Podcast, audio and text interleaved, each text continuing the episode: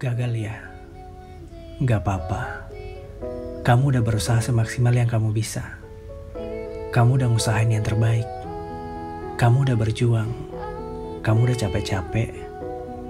Kamu udah ngelakuin hal-hal demi pencapaian kamu yang ternyata kamu gagal. Ingat ya, gak apa-apa. Gagal kan juga bagian dari proses. Kalau gagal di sini, kamu bisa coba di tempat lain. Kalau gagal hari ini, kamu bisa coba lagi besok. Dan kamu harus tahu, kalau gagal bukan akhir dari segalanya. Semangat ya, kamu tuh kuat banget udah bisa sampai di titik ini. Aku aja belum tentu bisa. Semangat terus ya.